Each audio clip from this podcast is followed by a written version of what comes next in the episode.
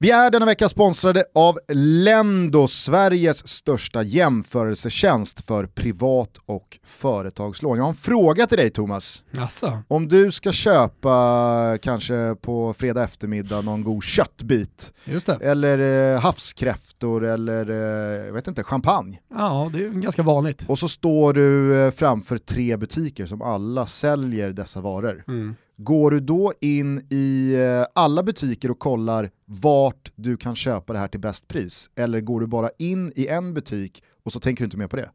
Jag går nog bara in i en butik. Men jag hade gärna haft en gubbe som stod utanför och berättade för mig exakt hur det låg till, som Mm. gjorde jämförelsen åt mig. Jag är ju sån, jag tar gärna hjälp, eh, jag, jag blir gärna assisterad i mina beslut. Den gubben, den gumman, den personen är ju vad Lendo är för alla som går i lånetankar. Bort hos Lendo så görs en ansökan och jämförelsen tar bara någon minut att genomföra och man får ofta sitt svar tämligen omgående Gusten. Inom en minut eh, många gånger. Oj då. Det är tämligen omgående. En ansökan är kostnadsfri att göra, man kan ansöka och jämföra lån upp till 600 000 kronor. Ansökan är inte bindande. Ja men så är det och det ska påpekas också att det görs en kreditupplysning bort hos UC så det påverkar inte UC-score och sånt eh, som om man skulle liksom göra den här jämförelsen själv. Så går du i lånetankar, börja alltid på lendo.se. Toto Balutto lyfter på hatten eh, gentemot Lendo och säger stort tack för att ni är med och möjliggör Toto Balutto. Stort tack.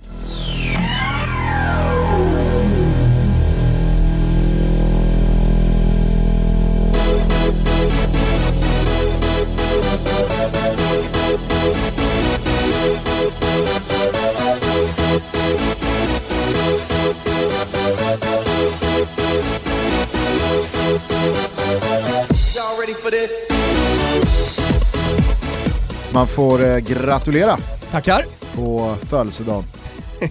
Jaså? Ja, jag minns den dagen, jag minns den som en gång. 130 barre fyller väl Gnaget idag? Jajamensan, föddes väl på Biblioteksgatan, är det åtta?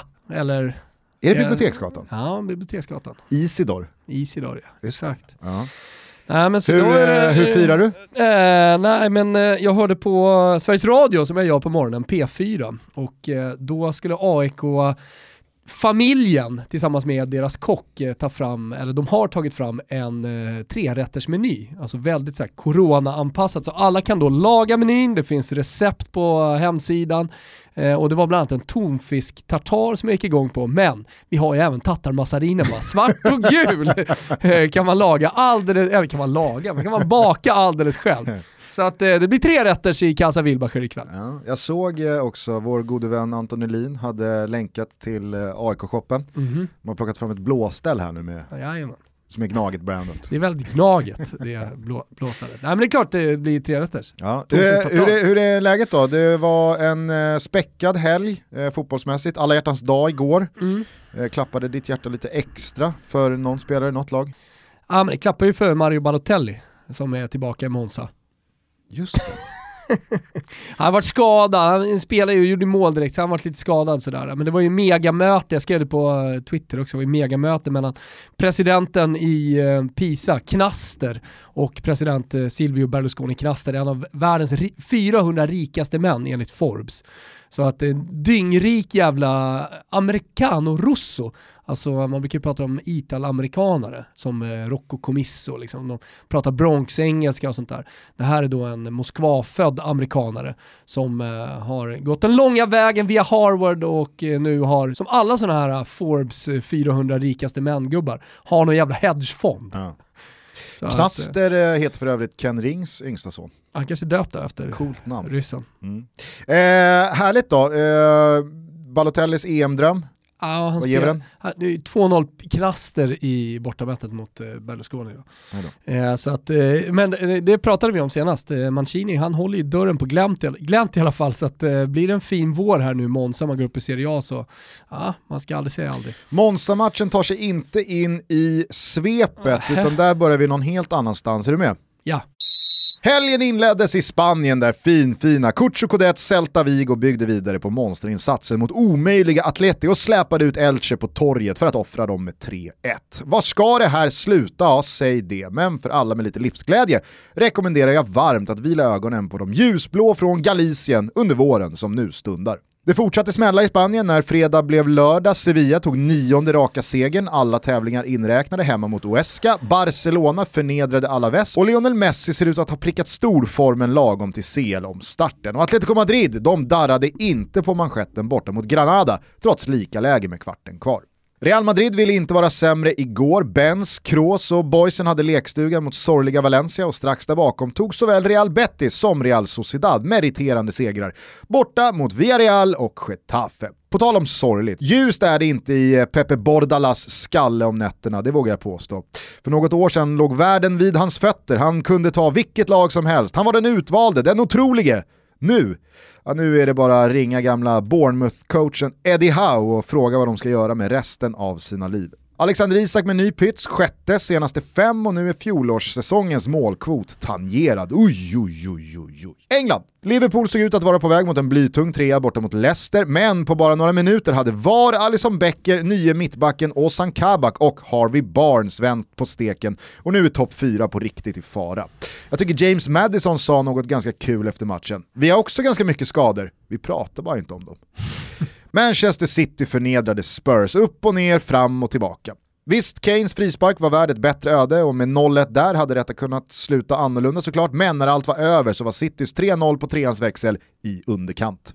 Soton inkasserade femte raka Premier League-torsken hemma mot Wolves, Fulham fixade blytunga pinnar borta mot Everton, Arsenal och Auba mosade Leeds på en timme och Manchester United fick bara med sig en poäng från The Hawthorns och matchen mot West Brom.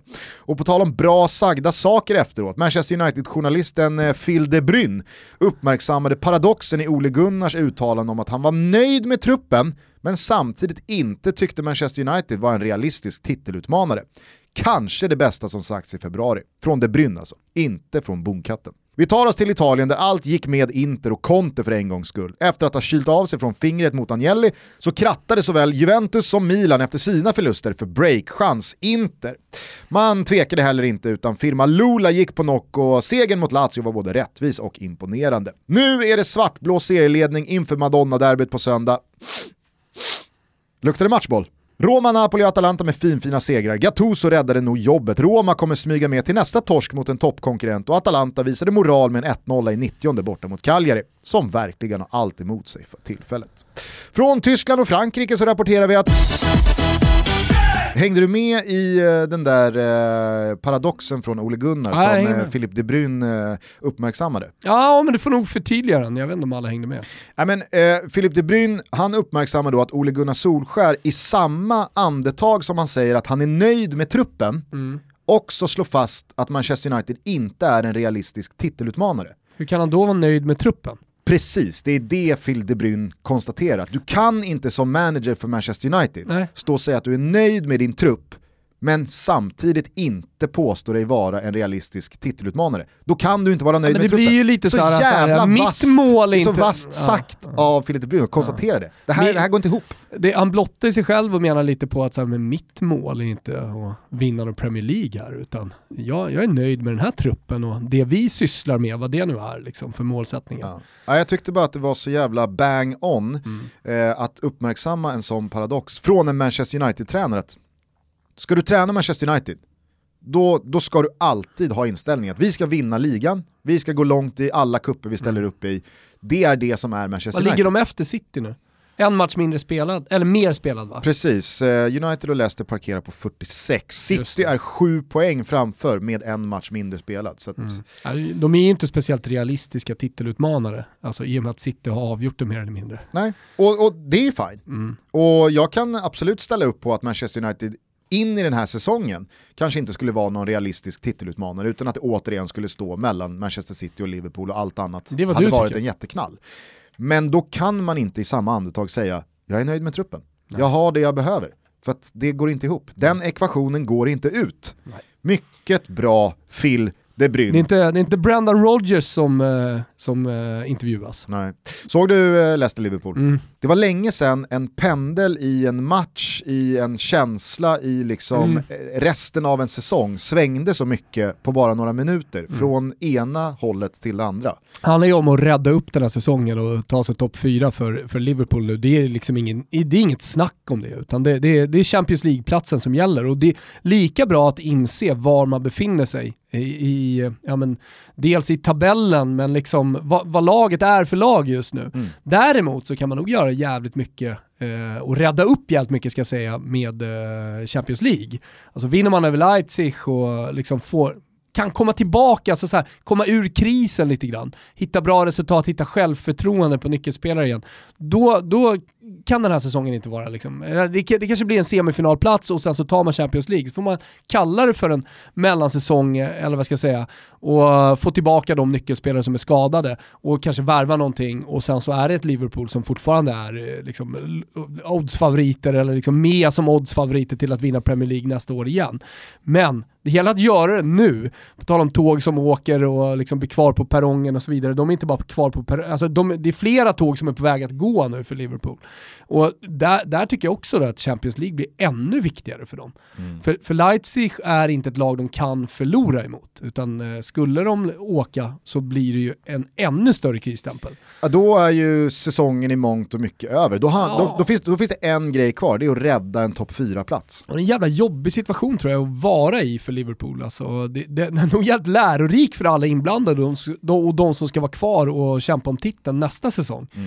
Eh, och, och jag menar, man skulle kunna titta tillbaka på eh, säsongen 2021 som en säsong utan publik, som en coronasäsong och liksom så här, ändå lite utåt, skylla lite på det eh, om, man, om man inleder bra. Men, men eh, man kan inte titta tillbaka på en Europa League, eller en säsong när man hamnar på Europa League-plats och åker ur åttondelen mot Leipzig. Alltså så här, utan då, då det lever kvar lite loser-stämpel på Liverpool i så fall inför nästa säsong. Jag tror också att ett sånt resultat hade kunnat få Mohamed Salah eller Sadio Mané och kanske känna att ah, om man ska testa ett nytt kapitel. Det- kanske det- ännu, det- sta- men Det kanske kanske, ännu ändå, starkare. det kanske ändå vore lite fint med Real Madrid, det är läge nu. Jag vill ju spela Champions League nästa säsong och så vidare.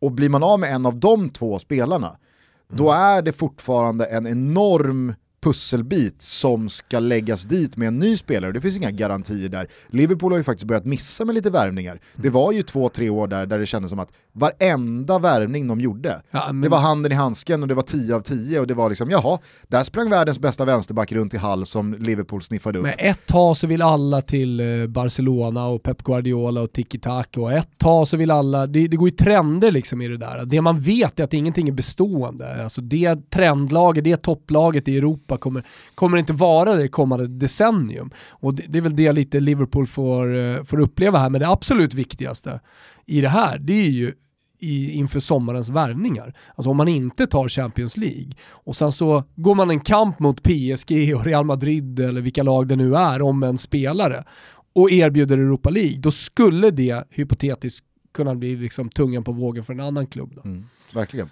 Eh, på tal bara om eh, Champions League och omstarten här så ska vi om bara några timmar sätta oss ner här med Bengt Sonnert Härligt. och köra en eh, regelrätt Champions League special med honom inför eh, åttondelarna som drar igång imorgon. Det kommer vara väldigt mycket tankar kring ja, men, eh, lagen, matcherna, värderingarna som landar i lite spel. Mm. Eh, Allting finns borta hos Betsson och så vidare. Så att, eh, superproducent Kim Wirsén, han har att göra idag. Efter det här avsnittet så behöver ni inte vänta speciellt länge innan det här avsnittet också kommer ut. Framförallt så blir det ju en guide inför Champions League åttondelarna som är så jävla härliga och välbehövliga. Jag kollade in i min eh, SMHI-app här på morgonen. Nej, jag kör inte YR. YR har ju liksom tappat. Det är SMHI man kör nu för tiden.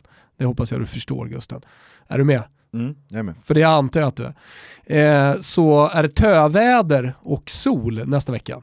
Så plusgrader i Stockholm och du vet första plusgraden efter en månad av minus och dessutom då Champions League. Alltså en blick ner mot Europa där de första ultrasupporterna skulle stå i bar Iber i södra Frankrike men eh, nu är inga, nu är inga som får vara där. Men du förstår, liksom fan kullarna där bakom Artemio Franki-stadion är rätt härliga när solen lyser. Mm. Och ja men första vårkänslorna kommer ju så här i slutet på februari. Spara de här eh, känslosvallen till avsnittet här med Bengan om ett tag. Mm, så pratar vi mer Champions League då. Tillbaks bara till Liverpool, mm. det som hände i alla fall på King Power, det var ju att med kvarten kvar så hade man 1-0, man hade gjort en bra match. Jag tycker mm. Liverpool imponerade i stora delar. Visst, eh, Leicester kanske hade de farligaste lägena att ta ledningen, men eh, man hade nya Ozan Kabak i mittlåset eh, och det kändes som att eh, när man tog ledningen så var Liverpool på väg att gira upp skeppet och hamna på lite rätt kurs igen här och sätta av mot eh, Champions League-åttondelarna.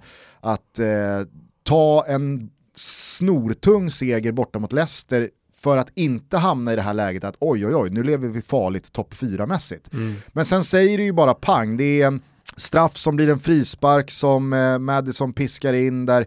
Eh, jag ser inte att Amartey inte är offside, men där får man väl lita på de här strecken som dras från varummet och konstatera att det, det, det blev säkert rätt.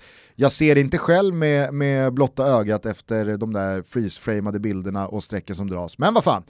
Det, det, det, det, blev säkert rätt. Sen är det ju återigen då en eh, Rembrandt från Allison som svänger på den här tillställningen innan Harvey Barnes punkterar med 3-1. Och just det som Alison Becker upplever just nu, alltså det är, det är fascinerande att se i realtid en keeper som så länge varit så stabil, knappt gjort ett misstag, Hyllats som eh, en av dem, om inte kanske den bästa, eh, senaste två, tre säsongerna och ja, men, fått alla lovord eh, i, i världen. Totalt bara liksom kollapsa mentalt och göra misstag på misstag på misstag. Det är ju egentligen bara målvakter och anfallare som kan hamna i de svackorna mm. som Alison Becker befinner sig i just nu. Målskyttar och anfallare som kommer i de här, ja men Edin Dzeko har varit där, eh, du minns några säsonger sedan i Roma, när han inte kunde träffa en, eh, han kunde inte träffa en lada från två meter, eller vad är det man säger, han kunde inte träffa havet med en badboll från mm. bryggan. Eh, det, det, gick liksom inte. Och så såg man på honom hur det gick troll i bollen och det satte sig i skallen och han såg så uppgiven ut. Marcus Berg hade ju lite samma grej i landslaget. Mm. Sen gjorde han ju det där målet mot Luxemburg, händerna bakom örat. Det har varit lite snack. Nej men det är ju bara anfallare som bland utespelarna kan hamna i ja, samma läget. Mm. Man ser hur förtvivlade de är och de försöker och de, de lägger över bollen på högen istället för det är nog bättre beslut och man skjuter därifrån och så börjar man passa istället när man ska göra mål för man har inte självförtroendet. Torres i Chelsea var ju också en sån här klassisk jävla Ja, men det, man, det man är rädd för är att det ska bli en bestående svacka för en spelare, så som det blev lite grann från Torres. Han kommer i alla fall inte tillbaka till att vara lika bra som han var innan, när han liksom sköt titlar till höger och vänster till Spanien och, och Atletico Madrid, eller hur? Nej, precis. Eh, och inte minst då så klinisk han var i Liverpool. Så ja, där gjorde han ju mål på allt och så kommer han till Chelsea och så gör han inte mål på något. Exakt. Jag minns fortfarande Torres första mål där efter, alltså det hade väl gått typ fyra månader eller någonting. Mm det var ju liksom tv-puckshög från hela Chelsea när han gjorde typ 3-0 i någon avslagen ligaavslutning. Att yes, nu fick han äntligen göra mål, 500 miljoners mannen. Men så alla nummer nio har ju vid något tillfälle under karriären haft en svacka och det är därför man blir så jävla imponerad av de målskyttarna som lever en hel karriär, går en hel karriär utan några speciellt eh, djupa svackor. Alltså så här, när man kollar på Zlatan Ibrahimovic, ja vad hade han i Barcelona egentligen? För det får man ju se som en misslyckad säsong. Ja, man har typ så här 17 ligamål, 16. Avgör, 16, avgör kvarten mot Arsenal i Champions League och, och dessutom då i, i eh, konflikt med Pep Guardiola under hela säsongen eh, och, och liksom hamnar ju aldrig i harmoni i, i Barcelona egentligen. Det, det, det ska då ses som någon slags fiaskosäsong för Zlatan Ibrahimovic. Ronaldo, Messi och så vidare. och så vidare. Alltså Jamie Vardy skulle man kunna liksom ta upp här. Vad har han haft för svacka egentligen sen Leicester gick upp i Premier League? Ja, det är inte många. Han är han 20 plus varje säsong? Alltså ta Harry Kane, man, man kan ju se under, under under eh, specifika säsonger där han haft några matcher där han inte har levererat. Jag vet inte, var befinner han sig någonstans nu på formskalan? Ja, nu har han ju precis kommit tillbaka här efter lite fotledsbekymmer. Ja, jo, men vad har han igen, gjort den här säsongen? Den här säsongen har han ju varit otrolig. Ja, skador emot då, att han liksom har levererat varje match. Så att, man blir, när, när man pratar om liksom, eh, det mentala oket som de bär på, både målvakter och, eh, och anfallare. Och det är egentligen, egentligen alla, med några få undantag. Mm. Och det är också genom historien. Fan, ska man säga på 90-talet hade inte eh, anfallarna några svackor? Bombade inte alla jävla Crespo, Batistuta och gängen, Enge, Shearer och, och fan heter han, Eh, Stan Collymore och Cantona, de bombar de inte bara in, ja, men bombar de inte bara in mål hela jävla tiden? Ja, det är, det är i alla fall, eh, Lineker det är i alla fall så och- man minns tillbaka på slutet Ja. av 90-talet. att Det fanns inga svackor. Nej, det fanns inga svackor Men- för eh, centertankarna. Men eh, det, det jag då i alla fall tycker Tillfälle är i alla så, fall att imponeras när man, när man benämner det, det, det tuffa att vara. Och det eh, jag tycker är så fascinerande med Alison Becker på samma linje här, det är ju att efter de där två helt hopplösa tavlorna mot City förra veckan och en insats som ja, men, verkligen avgjorde titelstriden och det, det, det var ju så Alltså Jordan Pickford har man lärt sig eh, gör sådär ibland och det finns andra målvakter där man, ja, men man helt enkelt konstaterar att ja, där har ju ingenting hänt. Den här gamla hunden kommer inte lära sig sitta. Men i fallet Alisson Becker så har ju det varit hans styrka. Mm. Egentligen sen han tvålade bort Champions League-gruppspelet för Roma, eh, borta mot Porto för glömmer massa inte. år sedan. Nej det glömmer jag inte. Så har han ju knappt gjort ett misstag, Mm. känns det som. Eh, och sen så gör han den insatsen mot Manchester City, ifrågasätts för första gången på riktigt eh, på flera år och så ger han sig in i den här matchen mot eh, Leicester, gör det riktigt bra i 75 minuter, han kan ju inte lasta speciellt mycket för det där kvitteringsmålet. Men sen ger han sig ut på den där bollen, helt, alltså så här, det är ett hjärnsläpp. Det är ett sånt fruktansvärt hjärnsläpp att göra i det läget. För att okej om han ger sig ut där när det står 3-0 till Liverpool eller underläge 0-3 och det inte får någon betydelse för utgången av matchen. Men här släcker han ju ner säsongen ytterligare några procent med ett direkt juniormisstag. Man kan säga mycket om Ozan Kabaks eh, insats i det, men det, är, det någon som ska hängas för det där misstaget så är det ju Alisson Becker. Och man vet hur han tänker när den där bollen hamnar i nät och han får gå och hämta den. Att liksom, shit, shit, shit, shit, shit, shit, shit, shit vad fan, vad, gör, vad gör jag? Och så vet man att han kommer intala sig själv, ingen skit här nu mot Leipzig. Inga jävla utsvävningar, inget dumt beslut, utan nu är det jag som går back to basic, ABC. Och vad brukar det sluta med? Fan om jag inte ska ut här ändå. Jag, jag, jag, jag ger mig ut, jag ger mig ut, helvete! ja, det är... Ja, men, och det, det är sådär, det, det, är, det är målvakt som bara tappar lite självförtroende. Och det är återigen då så utsatt position. Eh, Ta Neuer liksom som började med att ge sig ut så att säga. Och, och hur få misstag han egentligen har när han har gett sig ut. Mm. Alltid räddats upp eh, på ett eller annat sätt. Får man se liksom Becker som en målvakt som tar höga risker. Stor, han har stort risktagande i sitt målvaktsspel, även innan när han varit säker så har han ju ändå varit den typen av målvakt, liksom så lite Neuer-inspirerad.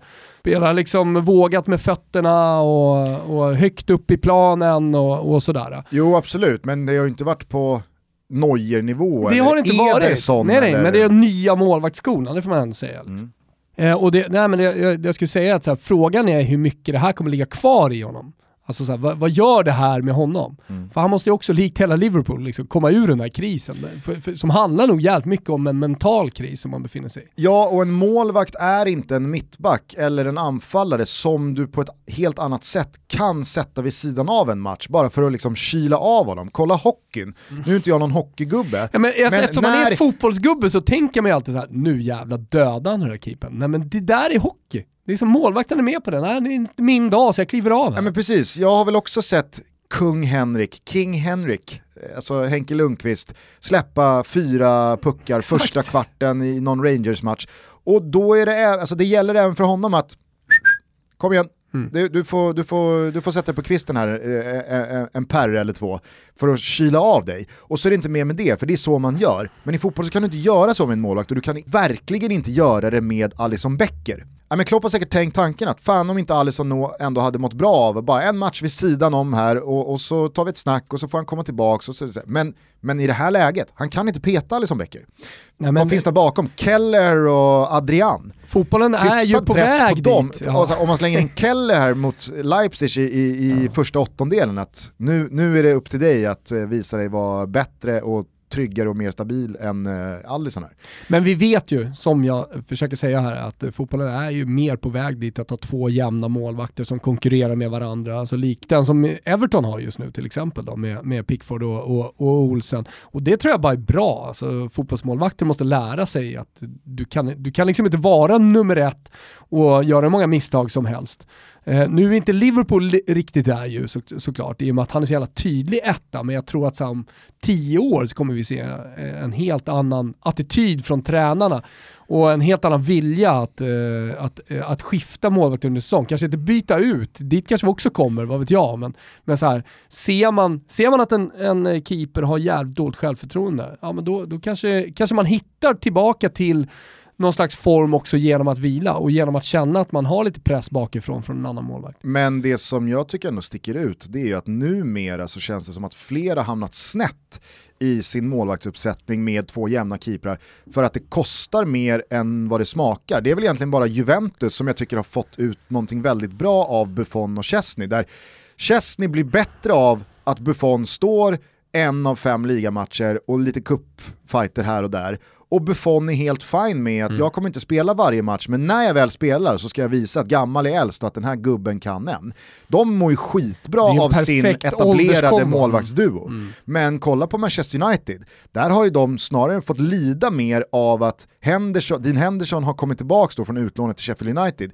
De Gea ja men då börjar snacket gå efter varje misstag att nu, nu får det fan räcka med de Gea, in med Dean Henderson. Och så kommer Dean Henderson in och får chansen, tvålar in någon påse efter två minuter, äh, tillbaks med de Gea. Och så börjar det där bara snurra. Chelsea, Kepa Arrizabalaga, världens dyraste målvakt genom tiderna, ja, men det, det är ju den största floppen genom tiderna och nu minsann, nu ska, nu ska allting ordnas här när vi hämtar in eh, Mendy eh, från, från Frankrike. Ställer sig i, i kassen, gör det bra ett par matcher, men sen börjar han också skena iväg, släppa ett par billiga och göra ett par konstiga insatser och ta ett par idiotiska beslut. Och då börjar man helt plötsligt, ah, fan om man inte ska satsa på Kepa igen, och så mm. tror jag han känner att, vad fan, vad, vad, nej men mm. vänta här nu, är det jag som är ett eller inte? Mm. Så att det är ju faktiskt... Men där tror, jag, där tror jag faktiskt att Chelsea skulle må bra av någon slags rotation mellan målvakterna i och med att det inte är en tydlig etta. Så, så att eh, eh Tuchel ger chansen beroende på match och läge. Men eh, när du nämnde Juventus där ska det ju sägas att det är en perfekt ålders erfarenhetskombination med eh, Chesney som eh, de, dels liksom accepterar läget, att det är som det är, för att det är en av världens bästa, kanske världens bästa målvakt genom tiderna som står bakom honom och han kan tycka att det är lite skönt. Alltså har du ett läge med två målvakter som står i respektive landslag, typ Olsen och, och Pickford, det blir en lite mer pikant rivalitet eh, skulle man kunna säga på träningen. Alltså det, det, det är ju inte Chesney och, och Buffon eh, nere och liksom, eh, kör målvaktsträning i, i Turin. De är helt, de vet precis var de har varandra och var, var situationen är i klubben. Olsen vill ju stå varje match till varje pris. Samtidigt som Pickford blir, säkerligen blir sur och, och sådär, alltså vill visa sig nästa träning. Jag vet inte vad som är bäst, men, men jag konstaterar att ska man ha någon slags rotation så är det en jävligt, ett jävligt bra läge som, som Juventus sitter i. Jag tror att när Buffon sitter på bänken så hoppas han att Juventus håller nollan och att Chesney gör en riktigt ah. bra match. Och när Chesney sitter på bänken så känner han exakt likadant. Han tycker det är kul när Buffon håller nollan borta mot Barca, applåderar det och tycker att det liksom är kanon när Jordan Pickford sitter skadad vid sidan om Evertons matcher, han vill ju att Olsen tvålar in två bollar och att Everton torskar så att mm. han har en enklare väg tillbaka. Och jag tror att samma sak gäller Kepa, Mendy, Dean Henderson, de Gea. Alltså, de Gea vill ju inte att Dean Henderson spikar igen och är Peter Panter på linjen när han väl sitter vid sidan mm. om. Och, även och, och det, är, är ju ingen, det är ju ingen sund konkurrens då. För att även fast det kanske sporrar målvakten att bli bättre så går det ju emot vad hela liksom, fotbollen går ut på för det laget, nämligen att vinna som ett lag ihop. Absolut, men samtidigt så tror jag att här, en sund eller då osund konkurrenssituation eh, kan, eh, kan påverkas av ledarskap. Så även om det utifrån ser ut som en ganska osund konkurrenssituation så skulle, man, skulle med rätt ledarskap man kunna få det till en ganska sund konkurrenssituation. Trots allt så lever ju målvakterna med varandra. Lever ju sitt egna lilla liv med sin egna lilla verksamhet Gusten. Ja, det blir i alla fall en eh, Allison-cam i matchen här mot Leipzig. Jag har eh, båda ögonen på brassen. Hur står sig Cams nu för tiden? Nej men eh, helt okej okay ändå. Jag tycker det har åldrats dåligt sen det kom som nytt grepp inom fotbollen. Zlatan Cam var väl det första Sverige liksom fick i, i Cam-väg. Ja, det var det. när var det? Var det i Barca? Nej, det var efter. Kanske var PSG? Nej, nej det var nog tidigare. Fan, ja, det, det, kan ha varit tidigare än så. Alltså. Det kan ha varit när såg du en Cam senast? Snackades det inte om en Conte-Cam nu när han var avstängd och satt på läktaren? Jag såg lite bilder eh, från en sån. Eh, alltså det finns ju alltid CAM, så att säga, produktionsbolagen som eh, har rättigheterna som sänder. De, är, de har ju såklart alltid en, ja men då om, på tal om pikant, om läget är pikant för Konto och han sitter på läktaren, ja men det är klart de har sett en kamera på honom för att bildproducenten skulle kunna ta in honom vid någon slags känsloutspel. Och så det var väl, men när man verkligen så kan välja, Alltså där måste ju faktiskt fotbollen, och det är liksom alla rättighetsinnehavare tillsammans, börja blicka lite. Det, alltså jag tycker verkligen det, på de, på de amerikanska produktionerna, dels i racing, kanske framförallt i racing, men, men även NFL och så vidare. Alltså att, att du kan välja vad du vill ha för vinkel, vad du vill se. Alltså med de stora tv-apparaterna som finns idag så skulle man ju till exempel kunna vinkla in, det kan jag göra med min Samsung-tv, jag kan vinkla in en, en liten en liten cam så att säga på en annan match på samma skärm. Men fan vad sjukt. Men även som titta, second screen. Fan vad sjukt att sitta och titta på bara Allison i matchen mot Leipzig. Nej men det, det, det, är, därför jag, det är därför jag säger såg att du, matchen, såg du Leipzig-Liverpool? Ja, Jo men det gjorde jag, fast jag, jag, jag, jag körde Allison cam. Nej men du kör ju den second bara, screen såklart. Jag kollade bara honom. Mm. Ja, men an, antingen så kör den liksom på tvn om du tar en second screen, eller så kör den på datorn eller paddan eller vad det nu är. Ja. Eh, det var väl eh, en eh, tot Cam som fällde honom i EM 2004. Utan den så hade, så hade de inte upptäckt spottloskan med Christian Paulsen. Ja, det kanske var så. Mm. Också eh, helt rätt att så här, vänta Totti spelar, det är klart vi sätter en cam på honom. Fan vad bra han var där. Men det var, ju det, men det var ju det som fällde honom mm. i just den turneringen. Eh, det är, så mycket det, saliv som kommer ut från just den loskan. Paulsen blir så, han blir så chockad också. En dusch. Vilken, vilken jävla bobba jag fick i hela plytet här, ja. vad, vad är det som händer? Eh, men nej, jag, jag följer den här eh, Allison-insatsen i veckan med eh, stor spänning, måste mm. jag säga. För att eh, jag ser det absolut inte som någon omöjlighet att han ger sig ut på ett nytt äventyr i liksom så här, nu måste jag, nu, nu måste jag rädda upp där och visa att jag är, eh, jag är the boss.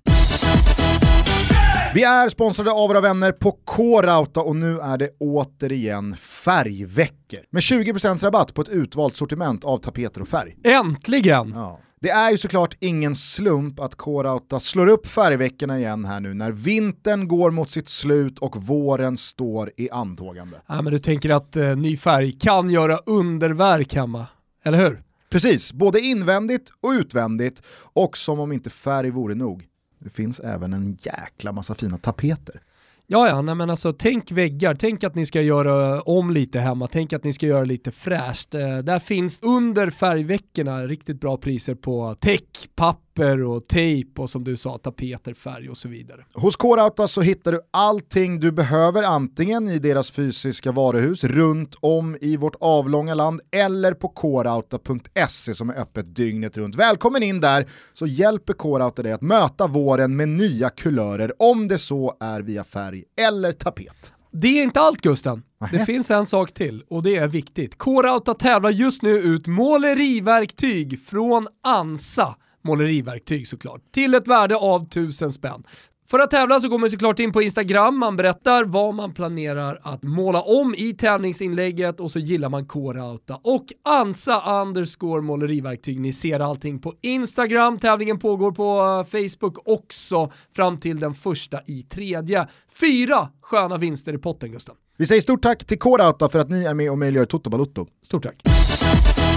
Eh, mer från eh, svepet som eh, berördes här. Eh, ska vi ta oss till Italien? För där var det ju en eh, högintressant helg än en gång i toppen.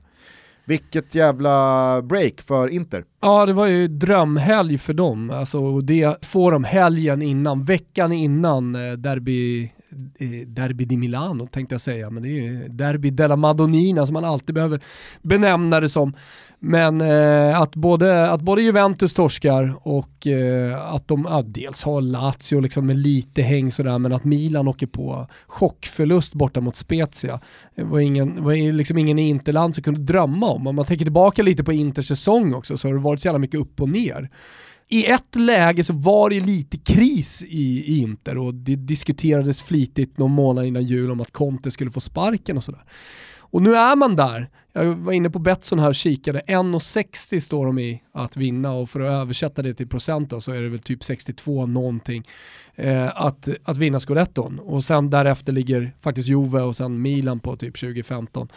Eh, men eh, det, det, är också, det är också så en, en uppvarvning likt Bayern München lite grann. Så här ah, men nu dödar vi det här, det är nu vi kommer, det är nu tåget går, det är nu vi ska vara bra, det är nu vi ska sätta oss i position inför våren. Och de har gjort det så jävla bra. Mm. Och fått lite hjälp också, men, men inte bara hjälp, det handlar ju om att överleva när, när det är ett tufft spelschema också. Det handlar om att eh, liksom, hantera skador och allting. Och, och, och, jag menar, det har funnits inte, det har funnits skador, det har funnits eh, eh, ja, en situation med Christian Eriksen som man inte trodde var möjlig att lösa, men som Conte fick rätt till slut ska man säga, alldeles oavsett lite grann så här, vad som händer den här säsongen, så fick jag ju faktiskt rätt.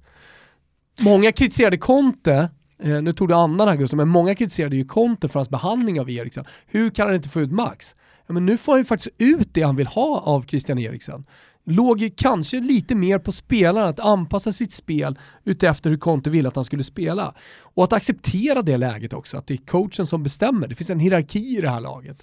Och, och jobba för det. Jag tror att det är jävligt mycket fotboll handlar om, även på den professionella nivån, att arbeta under veckorna och att underkasta sig en spelmodell och, och en coach. Jag blev eh, jävligt eh, lycklig av att se Christian Eriksen ta en intervju i Flashen på italienska Melio, igår. Melio, Melio. Exakt. Vart du lycklig av den italienskan? Nej, men alltså i hans läge så hade det ju varit fullt rimligt att han bara liksom... Men han säger ju bra, bra, bra, bra. Ja. Det är ju det han säger. No, men... Det hade ju du kunnat gjort. Ja, fast jag tycker, alltså han svarar ju ändå ganska utförligt. Framförallt så förstår han ju frågorna som kommer mot honom. Det är ju inte liksom så här... Alltså efter, efter ett halvår i, i ett land så ska man kunna bättre, jag ska kunna språket bättre. Så det är jävligt låg ribba för så bra språk här. Men fan var det jag Det enda de gör är fucking lira fotboll. Såg du, såg du, såg du uh, Weston McKennie? Efter, Jävla uh, låg ribba. Såg du Weston McKennie i samma läge? Nej. Han uh, ska göra en intervju i flashen och så börjar reporten prata på italienska. Och han bara spärrar upp ögonen. Så att han bara, man hör reportern, oh, sorry, sorry, eh, translator, translator. Så att, alltså, där har du ju ändå en skillnad. Visst, ja, jänkare är jänkare, de, så, de, så, de, de skiter ju i alla andra språk. Låg. De är de globala fransmännen. Nej, sen, sen vissa, vissa spanjorer eller spansktalande spelare, typ Vidal som har varit ett liv i Italien, så är fortfarande liksom kör på en svengelska, alltså spansk-italienska. Liksom, ja, men det, det funkar, alla fattar. Ja exakt, spitalienska, alltså, det, alla, alla fattar. Men, men eh, det, nej, det, det, det, det är för låg ribba, man måste lära sig språket bättre. Där har Albin Ekdal alltid varit en, eh, en eh, inspiratör höll jag på att säga. Men, föredöme. men till stort föredöme. Men svenska spelare generellt sett är jävligt bra på att lära sig språket när de kommer. Okej, okay, jag har inte mycket till övers för danskar överlag, men låt mig bara tycka att det var lite pikt och roligt att Christian Eriksen med det året han haft bakom sig i Inter och Italien. Hur länge har han varit där? Ett år. Ett år? Jag tror, ja, fan, det är ju uselt alltså. Efter ett år i Italien och spela fotboll och ha liksom lagkamrater runt, då ska du kunna bättre italienska. Alltså det, är, det är ett år är enkelt om du bor där och kunna flytande. Jag måste säga att... Eh... Dessutom en fotbollsfråga.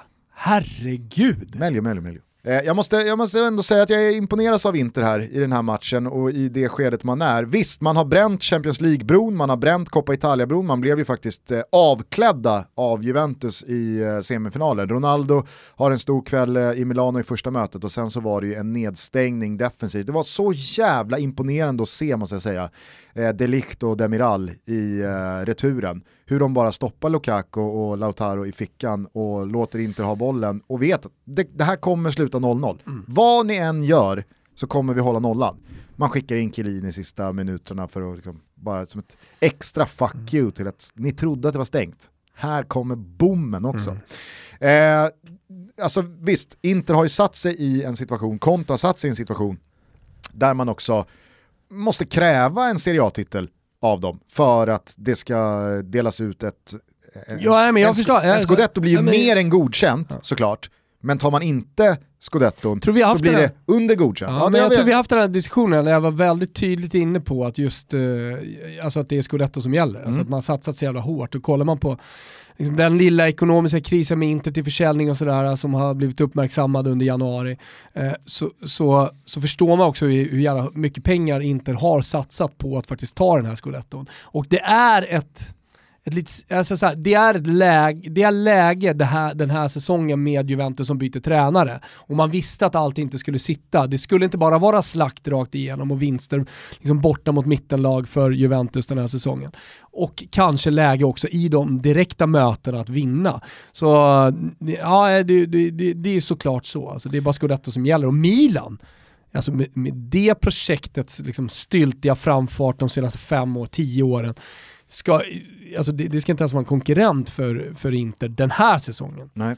Det jag skulle landa i i alla fall var att jag tycker att det är så signifikativt för ett mästarlag att se ut som Inter gör just nu. Mm. För att när Milan står för hela säsongens sämsta insats, där ingen spelare ens kliver fram individuellt, det är väl Donnarumma som gör ett par riktigt svettiga räddningar som håller nere de där siffrorna och att matchen lever ja, till eh, 2-0 målet i, i slutet av den. Men annars så är det ju, det, det är ju en total kollaps av Milan där ingenting fungerar. Och jag tycker Juventus insats mot Napoli, den är så, den är så stressat forcerad att vi ska bara åka och slå Napoli som har så mycket skador och så eh, brandskattat lag här. Och så ställer de ett väldigt starkt lag på banan, men man vet att de har lite Porto i bakhuvudet och så får de en, en straff mot sig, underläge och så blir det ännu stressigare. Alltså, ser du Ronaldos miss i början på andra halvlek från jättenära håll på, på volley där, där han sätter den rätt i Merets skopa. Ja. Där får man ju känslan av att, alltså hela kroppsspråket, hela, hela känslan i den situationen är som att klockan står på 89, men den står på 47. För det finns den här liksom, kom igen, vi, vi måste stressa in en kvittering här. Det är inte det här systematiskt inoljade, vi är ett lag som kämpar vi bara på här och gör vårt jobb så kommer chanserna komma, det finns tid, alla spelare är i slag, alla vet vad de ska göra, utan här blir det lite så här, skicka bollen mot Ronaldo var han än är och så faller man in i det mönstret igen. Medan Inter, där tycker jag att ju längre den här Serie A-säsongen har gått, desto fler spelare har liksom hakat på och satt sig i första vagnen. Mm med en individuell toppform. Det som i inledningsvis kanske var väldigt mycket Lukaku, Lautaro och Achraf Hakimi som dundrade fram längs Han högerkanten. liksom. Precis. Är Det är nu- Barella. Kolla De Frey och Mm. Skriniar, hur, hur stabila de ser ut bakåt. Handanovic tycker jag ser stabilare ut än på länge. Nicolo Barella, Mm. vilken jävla eh, Ja, men drömspelare att ha i laget. Alltså, man, man älskar att kolla på hans inställning när han spelar. Det är som en Gattuso 2.0, en Gattuso som faktiskt kan spela riktigt bra fotboll också. Och gör poäng. Och Alltså man igår- tänker spelartypen kanske inte gör speciellt mycket poäng för han krigar så jävla hårt och liksom ligger bakom väldigt mycket av eh, förarbetet liksom till målen. Kanske vinna boll, kanske slå den första passningen. Men sen är han där framme också. Och igår så tycker jag att Perisic och Brozovic också förtjänar att lyftas. Eriksen har vi redan varit inne på. Sen det där frisparksmålet mot Milan i cupkvarten. Snacka om så här mental Eh, Det blev ju som vändning för ja, honom. vändning i- för, för hela hans säsong. Nu vill han ju ha bollen och folk ger honom bollen och han är liksom, det, det, är, det är verkligen eh, en, eh, en speluppläggare som styr Men väldigt stor mycket jävla av cred till. Conte. Ja, absolut. Och då tycker jag ändå det, det mest imponerande med Inter och det som jag tycker gör att de där 1,60, dryga 60% chans att de tar den här eh, titeln nästan borde vara ännu mer för att de har sån jävla, de har sån, de har sån vass bredd också med tanke på att de inte ens ska spela något kuppspel här under våren heller. Det är väl typ att både Lautaro och Lukaku skadar sig emot att eh, det här slutar med, med titeln. För där, alltså, jag, jag tycker inte Alexis Sanchez eller någon annan kan fylla några skor längst fram. Men ser man mittfält och neråt, Gagliardini och Young och det finns Sensi, alltså det så här, hur många spelare som helst, som inte, Vidal, som inte ens är i laget igår, men som är superredo att kliva in när det behövs. Mm. Det är toppform i precis rätt eh, läge på säsongen, individuellt på spelarna och kollektivt sitter, kollektivet ska jag säga, sitter eh, ja, men så, som det där väloljade mas maskineriet som det behöver vara, som alla egentligen eh, liga, ligasegrare och, och liksom titelvinnare ja, men har. Alltså det, det, det kännetecknar egentligen alla. Alltså det, är någonting, det är någonting som verkligen funkar. Man ser att dels samspelet och eh, kamratandan höll jag på att säga, men liksom att stämningen är god, eh, omklädningsrummet är mäktiga, intakt och så vidare. Mäktiga kamratandan. fan, det kanske det som gör, det, det, det som är synonymt för alla titelvinnare, liksom, kamratandan. Säga vad fan man vill om taktik och numerärer, 4-3-3, 4-2-3-1 och alltihopa. Så jävla viktigt med kamratandan. Ledarskapet, det är fan allt i fotboll. Så du har en sportchef bra som fan, betala för kamratanda. Kan du pröjsa för kamratanda så är det värt en miljard. Du och Kimpa Bergstrand hade ju haft en bra lunch när ja, vi landade i kamratandan. Riktigt bra som lunch. Ja, ja. Eh, du, eh, innan vi lämnar Italien och de här toppmatcherna så tycker jag inte att vi ska bara låta Milans klappkassa insats hänga som eh, ensam Dålig kamratanda i Milan just nu. Spezias insats, Spezias säsong, alltså Spezia som lag det var inte många spelare som jag hade någon sån här jättetydlig relation till när de tog steget upp här. Vincenzo Italiano som tränare var inte heller någon som jag kände till sådär eh, utan och innan. Va, va, vad kan du säga om det här laget som ändå förtjänar att lyftas en mm. gång för alla i Toto Balutto? Ja, men det var nog många som såg eh, matchen mot Milan och eh, liksom hajade till, som inte har sett Spezia senaste säsongen, som rattade in den här matchen bara för att se Zlatan Ibrahimovic dunka in två baljer eh, att eh, Saponara fanns. Alltså eh, en spelare som spåddes en lysande framtid men som sen hamnade, hamnade inte i, alltså, han lyckades inte i topplagen. Så han hamnade i ja, men så här, Fiorentina typ, eh, mittenlag och sen då hela vägen ner till eh, Spezia. Men som är erfaren och som upplever en sen vår på karriären. Alltså han står för erfarenheten och sen så är det liksom eh, spelare som är, inte har spelat i Serie A speciellt mycket tidigare. Så det, det, är egentligen osannolikt att de ska liksom komma in här och göra en sån bra säsong. Men återigen, och det är där vi landar idag Gusten, det är kamratandan. Italiano får ju så jävla mycket lovord nu och det spås liksom en lysande framtid i större klubbar och så vidare. Men, men eh, jag, alltså, man ska nog vara lite försiktig med honom och vad han kan göra med ett större lag. Men vet, du vad, eh, vet du vad Vincenzo Italiano behöver göra? Nej. Han behöver se upp så att han inte går samma väg som Pepe Bordalas i Getafe och Eddie Howe i Bournemouth gjorde. Nämligen att sitta för länge på det och tro att erbjudanden och min aktie kommer bara bli bättre och bättre för varje säsong som går. Alltså det han gör med Spezia nu, visst, det är klart, kör på en säsong till och gör det du ska. Men sen måste du agera på att du står i den kurs du gör. Mm. Håll med mig. Ja, jag håller med. Kolla Eddie Howe, för fem år sedan, ja, men det, det var ju liksom eh, Englands eh, nästa stora tränare och han, skulle, han kunde välja och vraka i princip bland storklubbarna när eh, Manchester City inte hade satt pepp och Manchester United eh, letade med ljus och lykta och Arsenal skulle gå vidare från Arsene Wenger och ja, men, du, du, du kommer ihåg den här tiden. Eddie Howe, han var ju fan på alla släppar hela tiden, pratade ju för, förbundskaptenens jobb och hela mm. balletten. Mm. Han satt kvar för länge i Bournemouth, det gick åt helvete, man åkte ur och sen dess har inte Eddie Howe fått ett jobb. Nej, men, Pepe Bordalas med Getafe, backa bandet ett år. Man slår ut Ajax i Europa League och man är med i toppen och krigar om Champions League-platser och det är liksom, ja men det här är the next big thing. Han kan, han kan göra vad han vill. Nej, men... Träffade Adam Pintorp igår på Tegeludsvägen, Simon, så är det. Getafe. Det, kan, det, är Spaniens sorgligaste lag. Det är över för Bordalas. Ja. Han, måste, han, han, han kan gå hem och släcka lyset. Ja. Nej, men, eh, den italienska tränarmarknaden, sportchefsmarknaden för all del, ser ju lite, den, den, rör på sig mer än vad den engelska gör. Alltså, du, byt, du, du byter klubb på ett annat sätt. Alltså, ta till exempel en ganska, ganska trolig hypotes är ju att eh, Petracchi går till Fiorentina och att eh, De Zerbi som har varit, eh, ja men du vet Martin Åslund, Christians Borells eh, så här, husgud vad det gäller tränare. Eh, Pep Guardiola har hyllat honom, andra tränare har snackat om att De Zerbi, han spelar minsann en av Europas bästa fotboll. Och eh, nej, att han går dit, vad händer med Vincenzo Italiano? Va, eller vad kan hända? Jo, kanske hamnar i Sassuolo. Och så, så han kommer till, till, till, ett större lag. Men det som är, det, det jag tycker är mest imponerande det är att det är många spelare som, som är fostrade i Spezia som eh, är unga eller som är 25, som har gått hela den här vägen och gjort det, den långa marschen liksom upp till Serie A och visa sitt värde där uppe också. Men då behöver en bra tränare, du behöver, liksom, du behöver kamratandan såklart också, men du behöver hela tiden ha en tränare som utvecklar dig individuellt också så att du, du, du är redo för det. Och sen så har man, eh, ja, man hittat till exempel Saponara och man hittar den här gubben Esteves eh, från Estudiante så att det finns ett bra sportcheferi i bakgrunden också som uh, hittar en bra mix. En ruskig pärla är ju den här Kevin Agudelo, ah, ja. colombianen. Ja. Alltså han är så bra i den här matchen mot Milan att jag, jag, det, det var länge sedan, för att jag minns inte den här eh, gubben från vare sig Genoa eller Fio. Han, han har flugit mig förbi. Mm. Och sen går han in och gör en sån här match. Jag han, han är ju ratad av båda klubbarna. de att, gångerna jag har sett Spezia så tycker jag att han har varit bra, men den här matchen mot Milan, han är så bra så att det är liksom, nej men vad är det här för jävla superspelare? Mm. mm. Otrolig nej. spelare. Nej, men så, å, återigen så hamnar perfekt, du under den perfekta coachen med den perfekta kamratandan där han får både tålamod och utrymme. Att, att, kamratandan. Att, ja, men så här, speltiden hela tiden också, att, eh, att få ett förtroende från en tränare.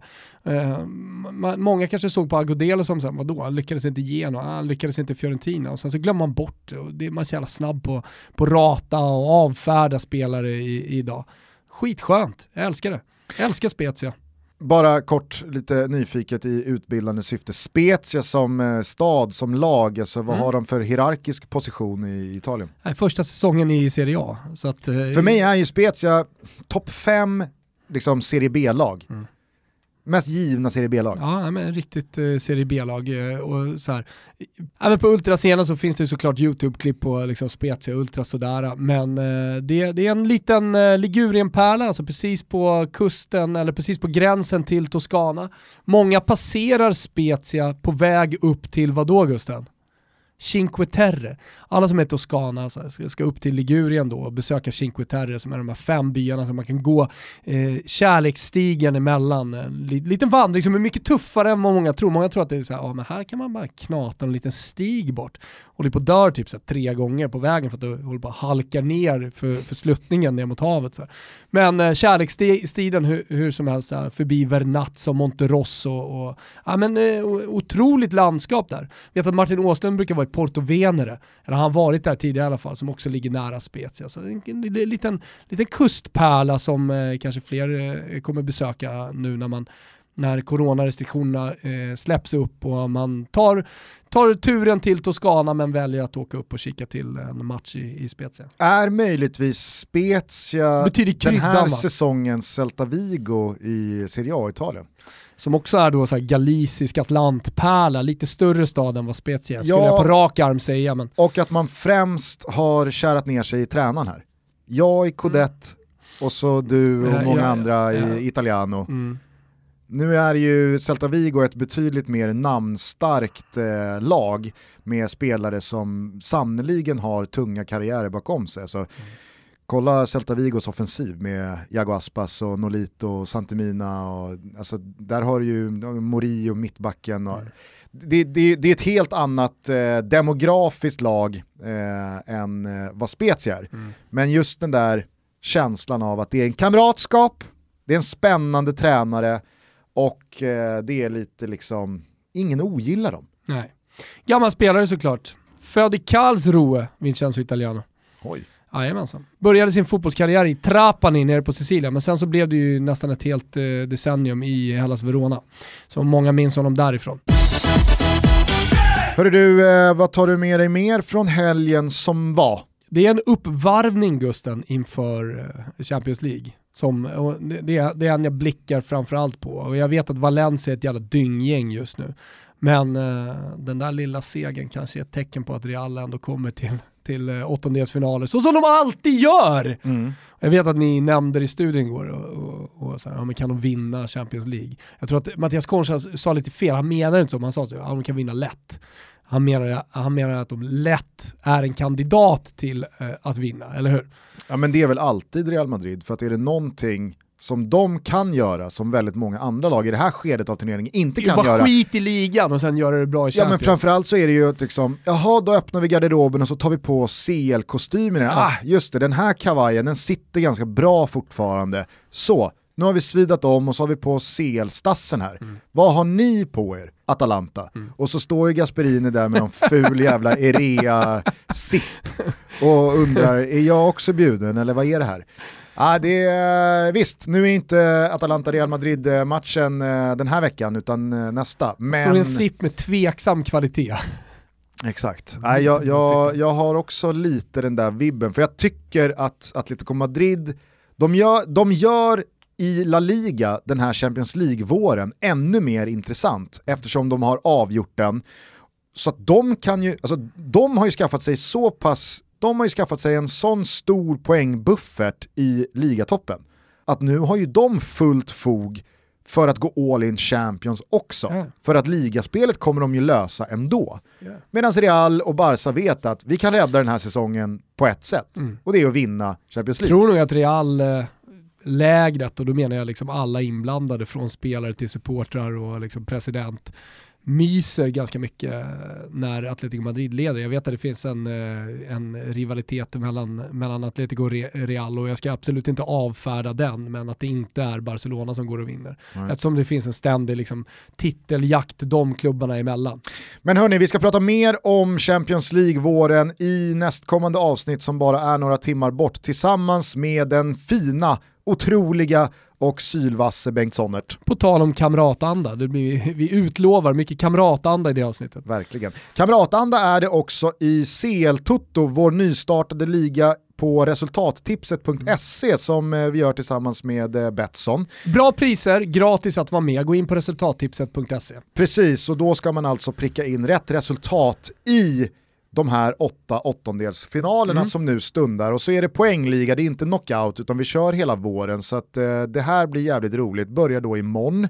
Mm. Eh, som Thomas sa, man går in på resultattipset.se och reggar ett konto om man inte redan har gjort det och sen är det bara att fylla i sin kupong och joina ligan, mm. CL-toto. Gå in på CL och så kommer ligan ligga där. Precis, där ska vi ha roligt tillsammans. Men du, eh, innan vi stänger ner butiken, det är ju Svenska Kuppen senare den här veckan som drar igång. Ni ser alla matcher på Simor. Lägg där till utbudet av La Liga och Serie A med den stundande Milano-derbyt på söndag så fattar ni att det är på Simor det händer den här Men det, veckan. Det, Milano-derbyt är ju eh, lite tidigare. Kör ni, kör ni tidigare studio? Ja, vi öppnar upp Fotbollssöndag Europa-studion oh, redan eh, 14.30 tror jag. Har, jag har tänkt på en sak. Fan vad varm i kläderna han har blivit, eh, Fantomen. Ja. Alltså så här, han, första gången han gjorde liksom stor-tv, även om ni har gjort fotbollslabbet under en tid och liksom sänt på fotbollskanalen och, och sådär. Så, så, så, var det ändå en spänd Fantom, jag tyckte om det, den lilla nervösa Fantomen. Men, men nu, du vet, när han är varm i kläderna. Tänkte du på det senast? Han gick liksom in och pekade i graferna som Marcus Oskarsson. Han liksom så ägde scenen där i, där, där i simor studion Gåshud, total gåshud. Han är ju också nybliven singel och uh, har flyttat tillbaka till Stockholm också. Skojar du? Nu, alltså när coronan släpper till 100% då är ju Fantomen livsfarlig ute på gatorna. Eh, nej men så att eh, det är på Simor det händer den här veckan, eh, minst sagt. Jag skulle bara ta pulsen på dig kring då eh, Svenska Kuppen och börja där vi slutade, nämligen med AIKs födelsedag och så vidare. Vad har du för känsla kring den svenska tävlingssäsongen som nu är igång? Fan, jag tyckte Bayern såg, eh, de såg spännande ut mot Norrköping, jag såg delar av den matchen. Ja. Du vet att jag lägger väldigt lite vikt i, eh, i träningsmatcher och de här tidiga, innan Svenska kuppen med åtta byten i, i, i halvlek och sådär. Det, det, det, så här, jag kan kolla på det för jag tycker det är mysigt och för att det inte finns någon konkurrens på tvn. Men eh, jag, ligger, jag gör ingen värdering i om det ser bra ut eller om det ser dåligt ut. Utan eh, nej, men det ska bli kul att se Svenska Cupen för då, kommer det, då, då, då, är det på riktigt och då kommer vi få se helt andra prestationer av, av kanske lag då som har gjort det sämre i de här tidiga träningsmatcherna. Jag kan bara, liksom, vill, vill ha mina tidiga tankar kring vissa av de större lagen? Okej okay då. Mm. Jag tycker att IFK Göteborg eh, känns, eh, jag, jag, jag, är beredd att, jag är beredd att eh, eventuellt eh, fråga dig om man kan få lösa en, God en sidovagn. God jävla kamratanda på Kamratgården, det är det du känner, inte så jävla mycket spelet Gusten. Notera dock att Colbain ännu inte har figurerat i någon träningsmatch. Vänta bara. Han har väl, han har väl trasat sönder sig på Avenyn igen. Eh, men Kalle Johansson, värvningen de har gjort från Falkenberg, jävlar, alltså vilken eh, handen i handsken värvning. Mm. Och så såg jag här igår att det började snackas om Simon Tern, mm.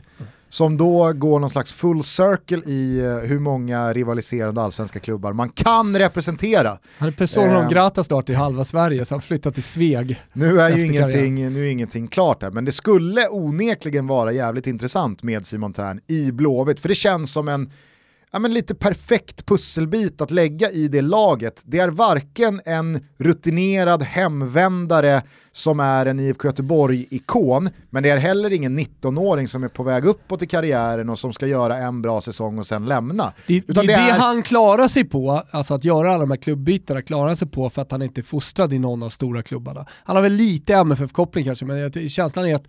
Han är ju Värnamo. Jo, jag vet att han är Värnamo, men jag tänker att han vann i, alltså kom fram i Malmö. Har jag fel eller? Ja, det har du, för att okay. han kom ju främst fram i Helsingborg. Det var ju där han slog. Okay. Sen så hängde, han, han kommer inte ihåg när hans docka hängdes i något Skånederby ah, ja. eh, på Olympia tror jag. Okay. Jo men det spetsar ju till, till det lite kanske ännu mer då att jag säger att han är Malmö. Eller ja. så förknippad lite med Malmö. De vann väl, han vann väl en hel del och man trodde jävligt mycket på honom i så här, ja men bli ett utlandsproffs och landslag och ja men Filio Darte som han är till Jonas och sådär. Men Värnamo är ju annars fotbolls-Sveriges Sveg. Helt ofarligt helt liksom meningslöst. Noll eh, rivalitet. Det, det, det, det, som, det, det, det är det han klarar sig på, det är det jag menar. Ja. Han kan vara i alla de där storklubbarna som han har varit i. Jag tycker i alla fall att det är den typen av spelare som IFK Göteborg har saknat lite. För senaste två åren så känns det som att de har bara byggt med två typer av pusselbitar. Eller de spelarna Antingen... som har varit han har varit lite för dåliga. Kanske, men de har inte värvats i samma utsträckning. Han och Kalle Johansson, perfekta så här. allsvenska rutinerade spelare som har gjort det bra, som har visat, sen, sen kommer de ju från två olika håll, självklart, det är jag också medveten om. Simon Tern har fan flera SM-guld än många spelare som, som är aktiva i den här serien. Och, och, är ju sina bästa stunder en av seriens bästa spelare. Kalle Johansson mycket mer eh, anonym och, och en, en underdog som kommer underifrån. Men det är inte pusselbitarna av klubbhemvändarikon som ska sjunga en sista vers alternativt en 18-åring från egna leden som är på väg uppåt och utåt. Point taken. Och det tror jag är jävligt bra för IFK Göteborg. Nu när du kräks ur dina känslor från magsäcken, vad var det IFK Göteborg du skulle liksom landa i? Nej, det som var det starka? kort bara, BK ja. Häcken. Jävla fönster eh, sportchef Martin Eriksson gör ändå. Martin Olsson är ju en eh, värvning som jag tycker har flugit väldigt mycket under radarn, mm. sett till vad det är för värvning. Jeremejeff är tillbaka. Ja, men det är för att det är just Häcken. Kanske. Då flyger allting lite under radarn. Så har det väl varit mycket fokus på deras, deras, övertagande av eh, Kopparbergs Göteborg och mm. BK Det lilla fokus de får har lagts där. Mm. Ja, men jag noterar en jävla vass och bra trupp.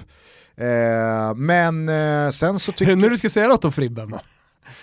Vad va, va, va, va, finns det kvar att säga om den spelaren? Ja, nej, det är sant. Malmö däremot, mm. i, ligger de inte märkligt lågt? Eller är de så oerhört trygga i truppen de sitter och trycker på? Jag tror, jag tror en kombination. Dels så finns det nog lite kvar att göra. Alla supportrar är väldigt så här, ja, men jag tror trygga liksom i den situationen de befinner sig i så det blir lite buzz. Eh, och sen så Mm. Visst, litet kanske Stockholmsperspektiv generellt sett i riksmedia som man, eh, man, eh, man liksom har kollat på de värvningar Hammarby har gjort. Eh, Djurgården, Bosse är ju ständigt ute och liksom härjar och tar uppmärksamhet. Vad är din känsla kring Asoro-värvningen? Eh, min känsla är ju att eh, det blir fem sex mål. Alltså varken hackat eller mal. Nej, inte hackat. Jag säger så här, Kim istället. Ja, men ingen så här dundersuccé, men heller inte Heller ingen flopp. Liksom. För stämmer prislappen som har figurerat i media så på Men någonstans det... runt 7 miljoner så är det ju ändå en av eh, de, de tyngre värvningarna sett till prislapp. Ja, men det, det som är spännande det är ju potentialen. Liksom. Så här, skulle han göra 15 då vet man, ja, men då kan man sälja honom dyrt. Och är det någonting man vet om Bosse och Djurgården så är det ju att de har fått fart på oh ja. anfallares karriärer. Kolla bara på eh, vart Kadewere är nu och Mushekwi och Olunga och Alltså den listan går att göra ganska lång. Han bara flyger ner i Lyon och liksom stänker in mål på storklubbar Visst, till höger och vänster. Visst. Nej, men den, den, den, stora skillnaden är väl att Asoro i det här läget kommer med ett rykte med eh, en helt annan kravbild tror jag på sig för att mm. väldigt många har sett honom i periferin i ganska många år trots att han är väldigt ung. u landslag det har varit Sunderland och det har varit utlån och det har varit liksom, ah, men det här det, det tar aldrig riktigt fart och så kommer han med den här prislappen till ett Djurgården som ändå har ambitioner om att eh, kanske fightas om det där SM-guldet igen. Ja, ja, det, det, blir en, det blir en jävla spännande mm. värvning att följa. Mm, vad eh, tror du då? Eftersom det är din magkänsla som här ska Jag får inte riktigt, jag får inte, alltså, jag, jag, jag förutsätter att Emir Kujovic då ska flytta på sig. Mm. För att med, med eh, eh, Kalle, Holmberg och Kujovic mm. och Mange Eriksson så jag vet inte. Jag tycker Också att lite under radarn va, Mange Eriksson. Mm. Han, kom, han, kommer, han kommer varva upp den här säsongen. Mm. Det, det, har du mitt ord på. Eh, sen så tycker jag att, eh, som jag var inne på, Bayern ser lite halvspännande ut eh, med Selmani här eh, som verkligen en pusselbitsvärvning tappade man kanske Sjukt viktig säsong för Bayern att liksom prata om Inter tidigare och få utväxling av eh, liksom de stora pengarna som har spenderats i allsvenska mått mätt, i Bayern mått mätt, stora pengar som Jesper Jansson har spenderat så, så vill det ju till att det händer någonting. Men, men så jag tror att Hammarby fortsatt är ja, beroende av publiken. Får man tillbaka publiken även lite, att det börjar komma in 1000, 2000 och så vidare, så här, då, då tror jag fan Bayern kan lyfta.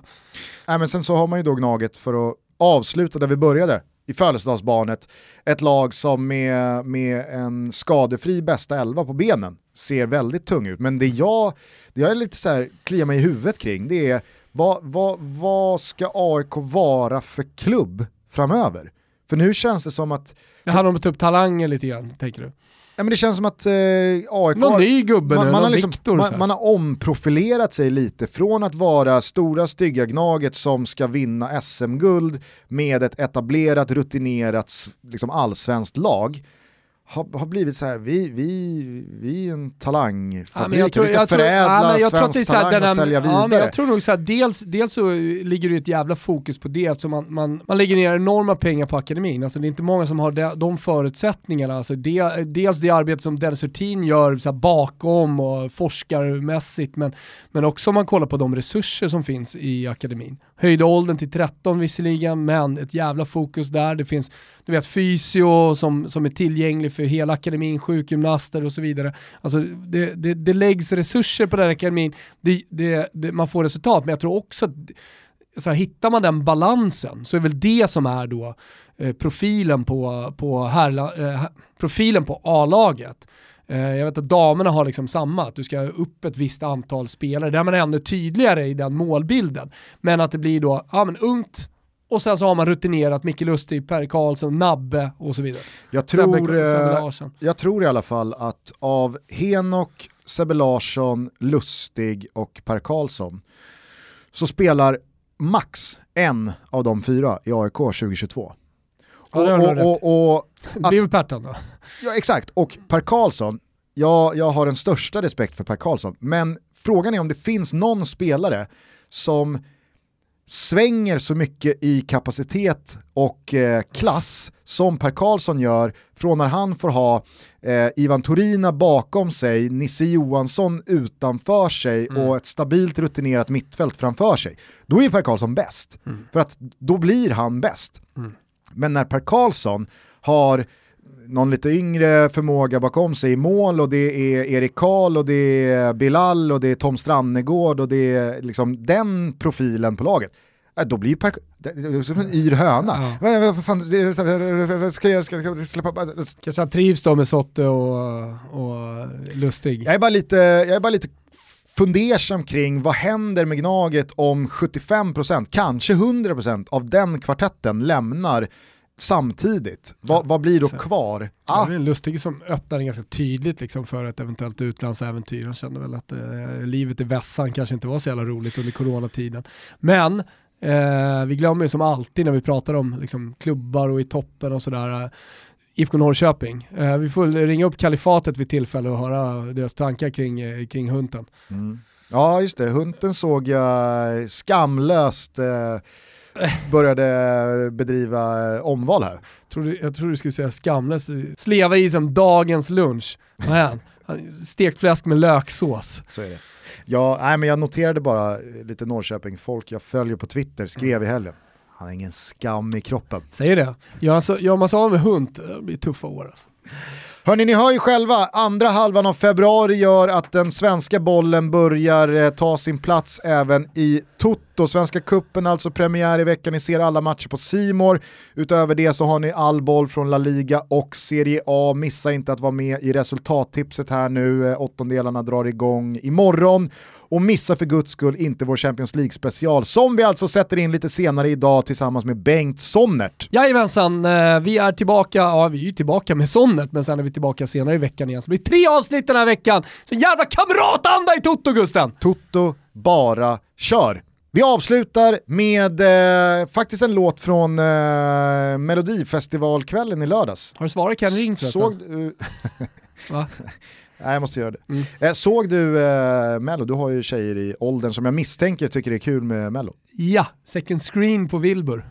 Snyggt. Eh, jag noterade bara att eh, en av mina husgudar, eh, Sami, eh, som numera heter Sami bara, mm. Mr. Rekick, eh, var med tillsammans med Val, någon ny förmåga för mig, med då bidraget 90-talet. Aha, hur gick det? Nej, de åkte ju. Vilket var helt otroligt. Helt otroligt att de åkte ut. Jo men så här, det kanske blir lite för mycket mello-variant. Jag fattar inte vad, vad var det egentligen för andra låtar om inte den låten gick vidare. Okay, Skitsamma, jag tyckte den passade så jävla bra att avsluta den här Underbart. episoden med i och med att vi vurmade så hårt för 90-talet eh, nyligen ja. i podden här. Så att, eh, vi avslutar med den låten, eh, vi hörs snart igen, ta hand om varandra, ciao tutti! Ciao tutti!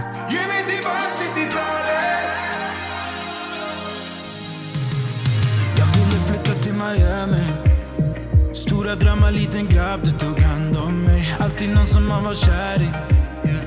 Och vi båda sjöng med till November Rain. Jag känner hur jag svävar.